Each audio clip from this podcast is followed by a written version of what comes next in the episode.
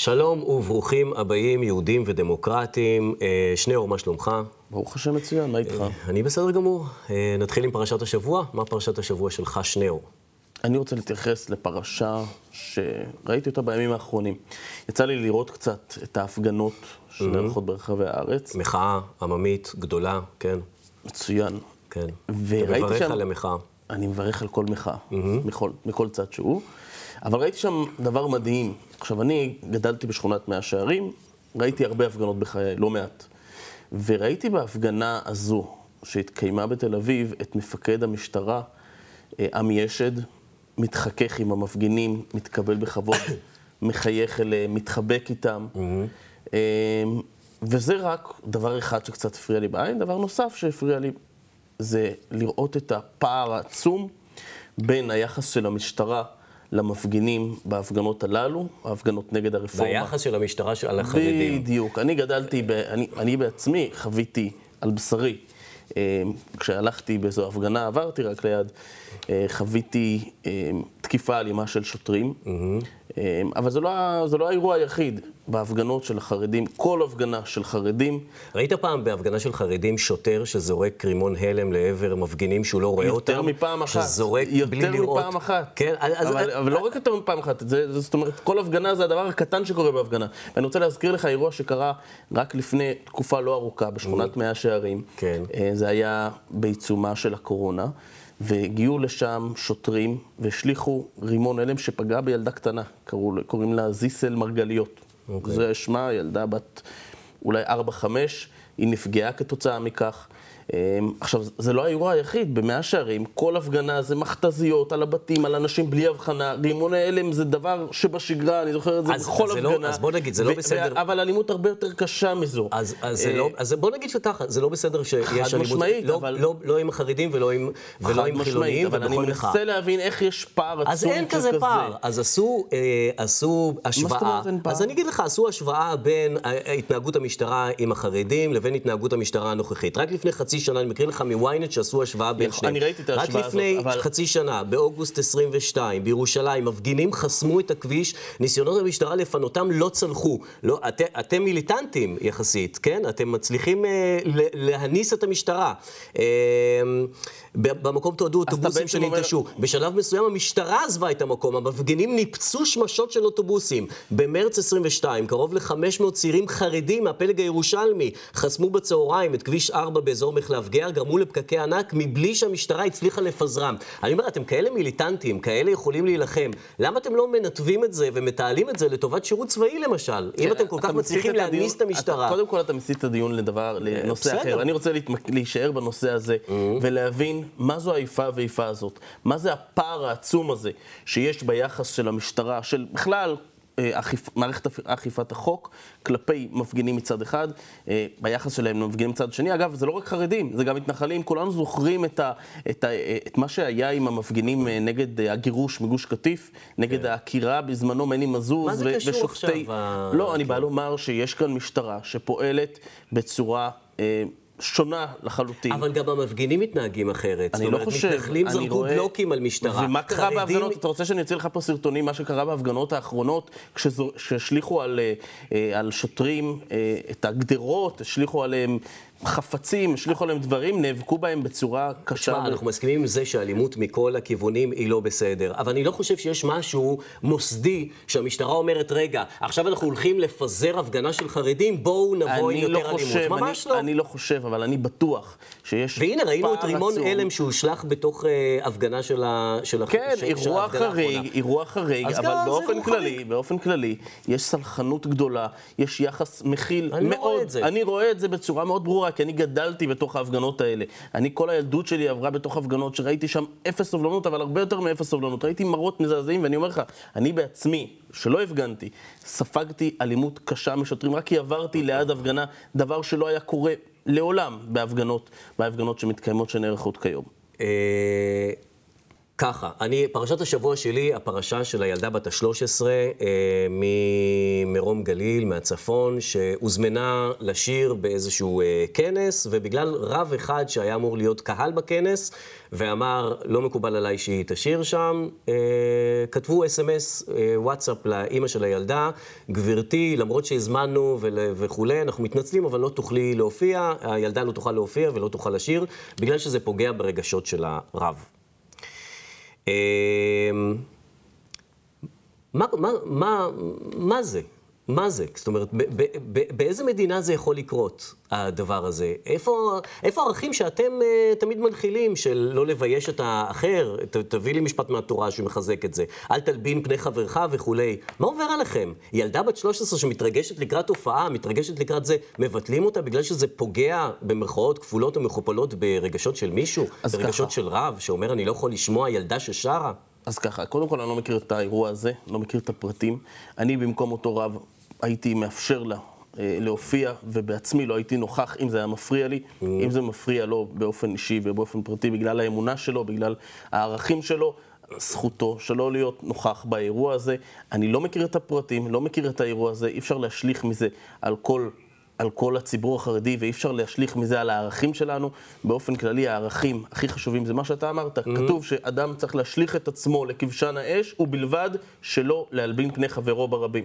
וזה, אלה הערכים הכי חשובים והכי יסודיים, שאגב, יכולים להיות קונצנזוס בין אה, כולנו. Okay. אוקיי. גם ביני, גם בינך, גם בין היהודים וגם בין הדמוקרטים. כולנו צריכים להאמין וללכת. אז פה אנחנו ב... מסכימים שהרב או החרדים צריכים אולי... אני לא מכיר את האירוע הזה. האירוע הוא שילדה אמורה לשיר. אם אני הייתי הרב, הייתי... הייתי, אה, והייתי חושב שזו בעיה עבורי, מכל סיבה שהיא, פשוט הייתי נעדר מההופעה ומאפשר לה... היום יש אה, הפגנה נגד, אה, נגד זה. אתה בא להפגין?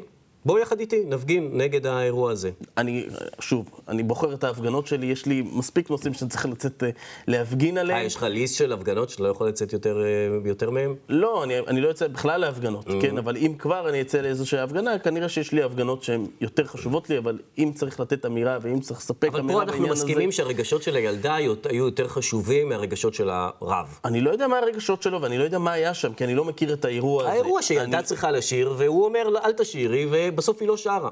אוקיי, אני לא מכיר את האירוע הזה, ואני שוב אומר לך, במצב כזה, אם אני הייתי הרב, הייתי בוחר להתנהל אחרת. אני יכול לתת לך דוגמה, אגב, מאירוע ש, אמ, שקרה בעבר אצל הרבי מלובביץ', mm-hmm. שכמה ילדים, ילדים יחסית בוגרים, התחילו לשיר לידו, והייתה שם גם ילדה. ומישהו אמר לילדה ש... או שלא תשיר, או שתשיר אה, בקול יותר נמוך, mm-hmm. והרבי בתגובה הוא היה באמצע לעשות משהו, הוא הניח את ה... הוא הניח את כוס, את הגביע קידוש שהיה, ליד, שהיה לו על היד, mm-hmm. והוא פשוט עודד אותה בשירה שלה. Mm-hmm. והוא בעצם הראה באירוע הזה, בסיטואציה הזאת, שמה שיותר חשוב מהכל זה קודם כל לכבד את הזולת, וקודם כל לאפשר לו לתת לאדם, ליהודי השני, לאדם השני, את הכבוד המגיע לו, וחלילה לא אותו. זה נראה לי כל כך uh, מובן מאליו, שאני לא, אני, תסלח לי, לא מתפעל מהדבר הזה, כי זה נראה לי כל כך מובן מאליו לא להשפיל בן אדם אחר. חד משמעית, כן. כולנו יודעים שאלה הדברים הכי קריטיים והכי משמעותיים ביהדות. נכון, לגמרי, אוקיי, בסדר. Uh, רצית לדבר על הרפורמה. כן, אז אנחנו, כשאנחנו מדברים על הרפורמה, הרפורמה, אני רוצה... כן. הרפורמה במערכת כן, המשפט, כן, כן. אם אתה תרצה, אפשר לקרוא לזה הפיכה, אנחנו מהפכה. יודעים על מה אנחנו מדברים, כן. כן. השאלה היא האם אנחנו נלחמים על הדמוקרטיה או על הדמוגרפיה. Mm-hmm. וזה מאוד משמעותי, או שאנחנו נלחמים על שניהם, זו גם אופציה. מה זה אומר? נראה לי יותר שרבים רבים מהמצביעים, מהמפגינים, מאלה שמוחים נגד הרפורמה במערכת המשפט, הם, הם פחות בקיאים בפרטי הרפורמה, וגם אם הם בקיאים, הם מסכימים עם רובה, או לפחות עם חלקה. אבל מה שבאמת מפריע להם זה שיש כאן ממשלה שהיא ממשלה שהם לא הצביעו לה, ממשלה שהם לא היו רוצים אותה בשלטון, ולכן הם יוצאים בשצף קצף כנגד הרפורמה הזאת, גם אם הם מסכימים לחלקים גדולים ורחבים ממנה. כמו בהפגנות נגד אה, חוק הגיוס של החרדים. תסביר. אה, כשאתה יוצא להפגין, אה, יוצאים נגד הממשלה. כשאתה יוצא להפגין, לא תמיד, זה לא משנה כל הפרטי, פרטי, פרטי פרטים של כל חוק וחוק. אתה יוצא נגד איזשהו רעיון שהמדינה הופכת ממצב מסוים למצב אחר. זה, על זה ההפגנה. עכשיו, אומרת... אני כן מסכים איתך כן. שבעיקרון, יש כאן הפגנה יותר מעל מערכת המשפט וכמה אה, שופטים יהיו ואיך ייבחרו השופטים. אני מסכים איתך, כי זה כן קצת הפגנה שהיא, שהיא מעבר לזה. בסדר, מה רע בזה? קודם כל זה לא רע, אבל אני רוצה להבין, אם כך, מה הצורך בכלל להגיע לפשרה או, או לסגת מהרפורמה במערכת המשפט, אם זה לא בעיה? אם, אם הייתה בעיה של רפורמה במערכת המשפט, שצריך לרכך אותה, צריך לעשות בה שינויים, אז אני מבין, צריך לשבת, בוא נדבר, בוא נגיע להסכמה רחבה, בוא נגיע לקונצנזוס. בסדר, למרות, אבל... למרות שאנחנו בשלטון, למרות שיש כאן ממשלה שנבחרה כחוק, ברוב מובהק, והיא צריכה לקדם את המדיניות שבשמה היא נבחרה. כן, אבל זאת אז... לא המדיניות שבשמה היא נבחרה. המדיניות הוא לא להעביר את מדינת ישראל ממצב שהיא הייתה בו למצב חדש. לה... הפוך, המצב, להחזיר את המצב לקדמותו. אני רוצה לצטט לך אה, מילים שאומר פרופסור, אה, שהוא לא נחשד כאיש ימין בכלל. אה, מילים שכתב בספר, והוא mm. מדבר על זה בלא מעט אה, אה, פורומים. אנחנו מדברים על פרופסור מנחם מאוטנר, שהוא פרופסור בפקולטה למשפטים של אוניברסיטת תל אביב, הוא כותב בספרו כך: באמצעות השינויים הנרחבים שחולל בית המשפט בפסיקתו בשנות ה-80 וה-90 הוא הפך עצמו לזירה החשובה למאבקיהם של ההגמונים לשעבר בעידן החדש שהחל בשנות ה-70. קבוצה חברתית שמצאה עצמה מאותגרת פוליטית ותרבותית, הפכה את בית המשפט העליון במקום הכנסת, שבה איבדה חלק משמעותי מכוחה, לאתר, לאתר חשוב לפעילות הפוליטית שלה, תוך שהיא מצמצמת עצמה לקידום ענייניה ונמנעת מפעילות פוליטית של ממש בקרב הקבוצות החברתיות האחרות. צריך לומר, אנחנו מדברים על אה, פרופסור שהוא איש שמאל מובהק. הוא התארח גם בדמוקרט TV השבוע, כן, אוקיי. אז, אז הוא, ואני ראיתי היום סרטון שלו, הרצאה שלו, שהוא מדבר על זה בצורה יותר רחבה, שבה הוא בעצם אומר, מה שקרה ב-77, מהפך 77, מאותו רגע הבינו האליטות הישנות ששלטו במדינה,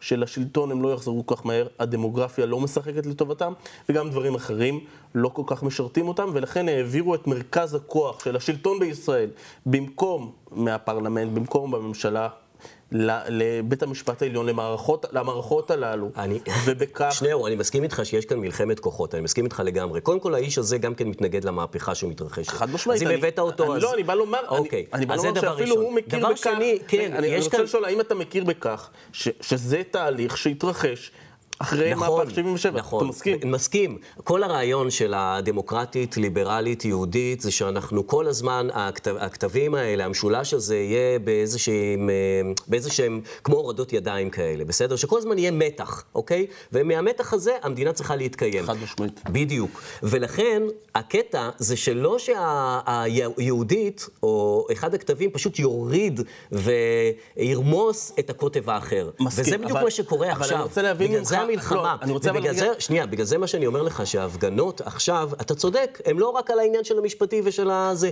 הם יותר מזה, הם הרעיון ש, שלא צד אחד של המשוואה ירמוס את הצד השני. לא בשביל זה נבחרתם. לזה, לא בשביל זה. לזה אני מסכים, אבל השאלה היא, ואני רוצה להחזיר אותך שוב לדבריו של אותו פרופסור, האם נכון יהיה להחזיר את השלטון שנלקח בכוח בקטנה, אבל מסכימים על זה. מה זאת אומרת בקטנה? בקטנה זה אומר שכשאנחנו מורידים ידיים זה יישאר איפשהו במתח בין לבין. האם... לא האם, ככה, לא האם, לא להוריד אחד את השני. האם השלטון בישראל צריך להיקבע בפרלמנט, היכן שנבחרים נציגי העם, או בבית המשפט העליון. איפה צריך להיות מרכז במתח, כובד המשקל? במתח איפה ביניהם. צריך להיות הכוח? במתח ביניהם זה משולש. משול, מדובר במשולש יהודי, דמוקרטית, ליברלי. עזוב את יהודי, דמוקרטית, ליברלי. אז משולש של שלוש עכשיו, רשויות. עזוב את הנושא של יהודי, דמוקרטי אוקיי, וליברלי. אוקיי, משולש של שלוש רשויות. האם אתה רוצה שמי שיקבע לך את אורח החיים, את מה שקורה במדינה, יהיה הפרלמנט הישראלי, או בית המשפט העליון? או שהיום נוח לך לומר את זה, לא, כי, לא, לא. כי אולי הם מזוהים איתך, אבל באופן כללי. שהכוח יהיה מפוזר בין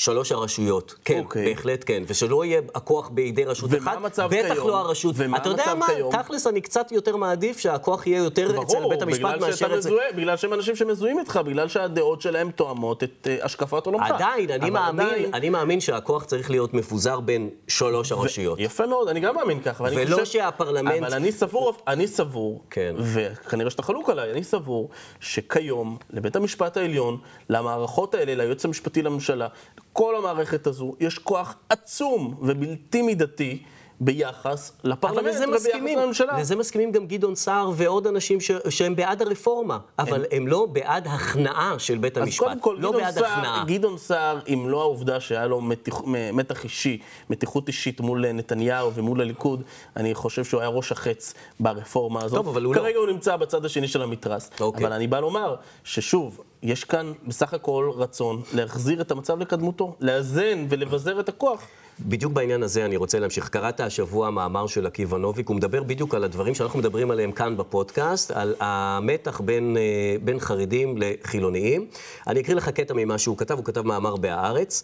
מה בעצם משותף לחילוני ליברלי ממרכז הארץ ולחרדי אדוק מירושלים? אה, או מה לזהבה גלאון ולאורית סטרוק? אה, למה אנחנו חיים באותה חברה? העובדה שלפני שנה אותו נאצי רצח את אבותיהם יחד אינה מספיקה עוד. הוא אומר שעד עכשיו, באמת, 80 שנה, כן. הוא אומר שעד עכשיו בעצם אין הרבה דברים שמאחדים בינינו. הוא מדבר כאילו עליי ועליך. מה, מה הערכים שמשותפים ביני לבינך, חוץ מזה שאנחנו חיים באותה טריטוריה ומדברים אותה שפה? מה הקשר בינינו? אז קודם כל, יש מידה מסוימת... ורגע, רק השינוי הוא שעד עכשיו באמת אין הרבה קשר, אבל כן רצינו לחיות ביחד. השינוי הוא עכשיו, וזה קשור למה שאמרת בקשר להפגנות, שיכול להיות שעכשיו הקו שבר אומר שלא כל כך בא לנו לחיות יחד באותה מדינה. יכול להיות שכבר נמאס לכם מאיתנו, ויכול להיות שקצת נמאס לנו מכם, מהרעיון הזה שאנחנו נלך ואנחנו נשרת ואנחנו נתרום ואנחנו נעבוד, ואתם איזו אוכלוסייה פריבילגית כזאת, תמשיכו בשלכם, ועוד תתבעו שכל מיני, אה, אה, שבית המשפט נניח ירד הכוח שלו. אני רוצה רק להתקומם על, המש... על ההגדרה פריבילגית, כי אני חושב שהפריבילגים, אה, לפחות לתחושתי, אבל לא רק לתחושתי, לתחושת רוב עם ישראל, הפריבילגים חיים, הם אלה, ש... הם אלה שחיים בתל אביב, במדינת תל אביב, מה שנקרא, לא דווקא בעיר תל אביב, אבל בכל אופן, אתה שואל מה משותף לנו. משותף לנו שאנחנו העם היהודי ואנחנו חיים כאן במדינה אחת. יש פערים גדולים בינינו, יש מחלוקות אדירות, שאני לא חושב שאפשר אפילו לגשר עליהן. אני לא חושב שאנחנו יכולים להגיע להסכמות על חלק מהדברים. אבל כיוון שאנחנו מבינים שאנחנו נועדנו לחיות יחד על חלקת האדמה הזו, אנחנו צריכים לעשות כל מאמץ ולהפוך נועדנו- כל אבן נועדנו זה לא כדי מספיק. להסתדר, כדי להגיע לאיזה שהן הבנות. ואם אנחנו ניתן לקיצוניים שבינינו, מכל הכיוונים, להרים את הראש, ושהם יקבעו את סדר היום, ויש להם כוח יותר גדול, כי בסוף כשאתה צועק יותר חזק ושאתה יותר אה, בוטה, אז אתה שולט בשיח. אבל אנחנו כן צריכים למצוא דברים שמשותפים בינינו מעבר לזה שנועדנו. זאת אומרת, נועדנו זה מישהו הועיד אותנו. בסדר, אנחנו חיים ביחד. אז אבל איך, אנחנו איך, צריכים למצוא... לדעתך, איך לדעתך אנחנו יכולים למצוא שפה משותפת? איך אנחנו יכולים זאת שאלה מצוינת. אני- להוריד את הלהבות ולהגיע למצב שאנחנו יכולים לחיות ביחד, גם אם אין הסכמות בינינו, גם אם אנחנו אני, חלוקים אני אחד על אומר לך. את האמת, אני שואל את עצמי את זה יותר ויותר בזמן האחרון. ומה המסקנה שלך? אני, אין לי שום מסקנה כרגע, אני יש באמת לא כאלה יודע. שמדברים על היפרדות, מדינת יהודה ומדינת אה, ישראל. אתה חושב שזה רעיון טוב? לא יודע, לא יודע. לא יודע, יכול להיות שכן, אתה יודע, יכול להיות שחלוקה לקנטונים יכולה להיות, לפחות כרעיון שאנחנו נשתעשע בו, עדיין אני לא, לא, לא מציע שנתחלק לזה, אבל כן, יכול להיות שכן, אם, אם באמת אתם ממשיכים ל, ל, אה, להוריד ילדה כשהיא שרה בצפון, או עכשיו יש סיפור, ממש עכשיו התפרסם סיפור על בריכה ב- ברמת גן, שמתחילים להפריד את הילדה מהאבא שלה, שבא ללוות אותה לחוג שחייה, והוא לא יכול להיכנס יחד איתה, אם, אם לשם אנחנו הולכים ואתם מנסים כל הזמן, או חמץ בפסח וכולי, מה שדיברנו בשבוע שעבר, על uh, בתי חולים, תשמע, זאת לא מדינה שהייתי רוצה לחיות בה, אני אומר לך את האמת, עם כל הכבוד. אני- לא הייתי רוצה שאף בת תרד מבמה בגלל שזה פוגע ברגשותיו של רבי. אני אומר לך שני דברים. קודם כל, האירוע הזה, אם הוא קרה, איך שהוא אירוע קרה... ועוד אירוע ועוד שאני, אירוע. שאני קצת מפקפק בו, כי הוא קצת נשמע לי מוזר, אבל אם הוא קרה, הוא קרה גם כשאתם הייתם בשלטון והכל היה בסדר, זה לא הפריע לך. פתאום עכשיו, כשאנחנו בשלטון, כשהציבור, כשהמפלגות החרדיות נמצאות בשלטון, אז פתאום הדברים האלה מבליטים אותם והופכים אותם, כל אירוע כזה, לאיזה אירוע שמסמל משהו. אני אומר לך בצורה חד משמעית, בצורה ברורה, הציבור החרדי, נציגי הציבור החרדי, כולם נגד מה שנקרא כפייה דתית. כולם מעוניינים, בסוף, המיינסטרים. תשמע, רוב הזמן אתם הייתם המיינסטרים- בשלטון, צריך להגיד את זה. זה לא? שנה אחת היה אה, בנט אה, לפיד באיזה מין שנה, שנה וחצי של... היו כמה הפסקות, נכון. כן, אבל בעיקרון השלטון הוא שלטון ימני, ליכודי אבל- וחרדי. אבל אני צריך להזכיר לך, אני רוצה להזכיר לך, שכשלא היינו בשלטון, לפני תקופה קצרה, כל המפלגות, וזה כולל את בני גנץ ואפילו יאיר לפיד, כולם, כולם חיזרו אחרי המפלגות החרדיות. נכון, אין- אין- כולם רצו שהם יהיו חלק מהשלטון, כולם רצו שהם יהיו בממשלה ועשו, ואיך יהיה, בני גנץ אמר, אני מוכן לתת לכם דף ריק, תמלאו אותו במה שאתם רוצים. נכון, ואני נכון. אחתום למטה. נכון. מה שאני בא לומר זה שברגע שאנחנו בשלטון, ואנחנו לא איתכם באותה סירה, אנחנו לא, אתם, אתם לא חלק מהממשלה כרגע, פתאום הכל מפריע, פתאום חורבן, פתאום קץ הדמוקרטיה. אני חושב שהגיע הזמן להגיע לאיזה שהן הבנות. אני חושב שאנחנו ממש על סיפה יפה. של מלחמת אחים. יפה. אה, לא, להגיע להבנות, אני עוצר אותך משפט לפני כן. זה. אתה רוצה שלהגיע להבנות. אני אקריא לך ציטוט ממשהו שאתה כתבת. כן. מה בעצם משותף לחילוני, ליברלי, אה, לא, זה לא, זה קיוונוביק, אתה כתבת. השמאל החליט לשרוף את המדינה, אתה כותב במאמר שלך. אין דרך אחרת להסביר את השיגעון שאוחז בתקופה האחרונה במחנה שבעבר הנהיג את ישראל, ומשאיבד את הגה השלטון, מוכן לעשות הכל על מנת להכחיד ולהרוס כל חלקת אדמה. בשם המלחמה הזאת אין דבר פסול, העולם כולו מגויס על ידם למלחמה הזאת, והם מאיימים להעלות באש את הבית על יושביו. זאת אומרת, אה, אתה לא כל יש כך משהו חושב... לא מדויק במילים שכתבתי? כן, זה, זה לא מה- השמאל, מה לא נכון? לא, לא רוצה להכחיד, לא להרוס, לא מלחמה, זאת אומרת, הכל זה לא נכון. הרושם שלי. מה שאני רואה פה, זה שמהרגע, אגב, מהרגע שתוצאות הבחירות יצאו לאור, מאותו רגע, השמאל, ואגב, זה לא קשור עוד לפני הרפורמה, הרפורמה אולי קצת העצימה, אה, הגביהה את הלהבות, מאותו רגע. השמאל, מדבר על מרד, על מרי, ל- אה, לשרוף את המדינה, הולכים לכל השמאל? העולם. מי זה אתמול השמאל? ראינו מכתב סופרים, סופרים, אה, דוד גרוסמן ועוד כן. כמה סופרים, שולחים מכתב לגרמניה, לממשלת גרמניה. הסופרים ש- זה לא שמאל, סופרים זה סופרים.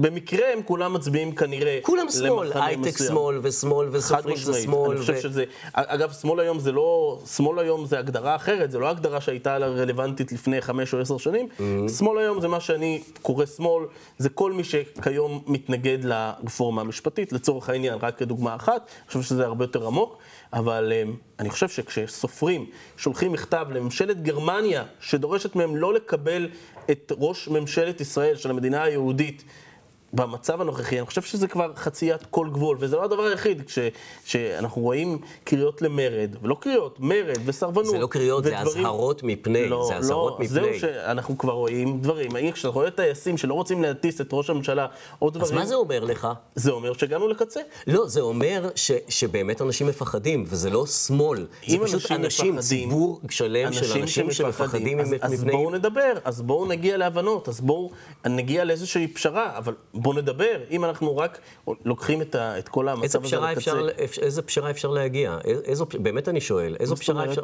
איזה קודם פשרה? כל, אם אנחנו, אם אנחנו טוענים... אם ש- ההליכה היא לקראת אתה- מדינה אחרת, אז אין כאן פשרה. אז אני לא חושב שאנחנו הולכים למדינה אחרת, אבל אני חושב שאפשר לדבר. אם אתה חושב שאי אפשר לדבר, אז בואו באמת נפריד כוחות. אני חושב שעדיין אפשר ורצוי לדבר. אם אנחנו ננקה את הרעש של הקיצוניים, משני הצדדים, אם אנחנו נאפשר שיח פורה בין שני חלקי החברה הישראלית, יש אפשרות להרגיע את הרוחות, יש אפשרות להנמיך את הלהבות. אתה יכול להדגים לי פשרה? אתה יכול להדגים לי איזושהי פשרה? קודם כל צריך להבין מהי הבעיה. אם הבעיה היא הרפורמה, אז בהחלט, אני בטוח שברפורמה אפשר לעשות הרבה שינויים שירצו לפחות חלק נכבד מאלה שמודאגים וחוששים מפני אה, דיקטטורה, כן? בוא, בוא, בוא נדגים, בוא ננסה לעשות פשרה. תן לי סעיף אחד שאפשר להתפשר עליו. פסקת ההתגברות לא ב-61, אלא ב-70, נו. לצורך העניין. אני- אז הם אני- לא מסכימים, דוגמה, אבל. לא, שוב, אני לא חושב שדיברו, אני לא חושב שניהלו שיח. אני דיברתי בימים האחרונים עם שמחה רוטמן, יושב ראש ועדת החוקה. נו. הוא מספר לי על מאמצים שלו, על שיחות שהוא מדבר עם, אה, והוא רואה שאין אף אחד, אף אחד לא מוכן לדבר איתו. השיחות שהוא מעיף אה, גם- מהוועדה כל שנייה מישהו מה אחר? זה מעיף מהוועדה? אתה, רואה את ההתנהלות בוועדה כן, שלו? אני רואה שכל אני רוצה רגע להביא הוא- לך את יאיר לפיד. יאיר לפיד, ולא רק יאיר לפיד, הרבה אחרים בממשלה, באופוזיציה, הם מדברים על כך שאסור להגיע לפשרה. תשמע את יאיר גולן, תשמע את מרב מיכאלי, הם אומרים שעצם ההגעה לפשרה נכון, זה דבר כי אין מסוכן. כרגע, אין כרגע פשרה על כלום, לא, לא לא יכולה להיות זה, פשרה. לא, כי הם אומרים שגם אם תהיה פשרה ברפורמה, הממשלה הזאת, עצם זה שיש כאן ממשלה של משיחיים, של ימנים, של נתניהו, של ביביסטים וכל ההגדרות האלה אה, המזלזלות, עצם זה, זו, זו סכנה למדינה. ואם זה נקודת המוצא, אני לא חושב שאנחנו יכולים להגיע לאיזשהו מקום. וזאת נקודת הסיום שלנו. אה, עד כאן עוד פרק של יהודי ודמוקרטי. אתם מוזמנים כמובן לענות על שאלת הפודקאסט שלנו באפליקציית הספוטיפיי, להאזין לנו בכל הפלטפורמות, לצפות בקטעי הוידאו שלנו, להגיב ברשתות החברתיות ולדרג את הפודקאסט כדי שנוכל להגיע לעוד מאזינים ומאזינות. ותזכרו את הדבר הכי חשוב, כל העמדות הלא דמוקרטיות מושמעות בזכות זה שיש דמוקרטיה. שניאור, וואלה. תודה. תודה.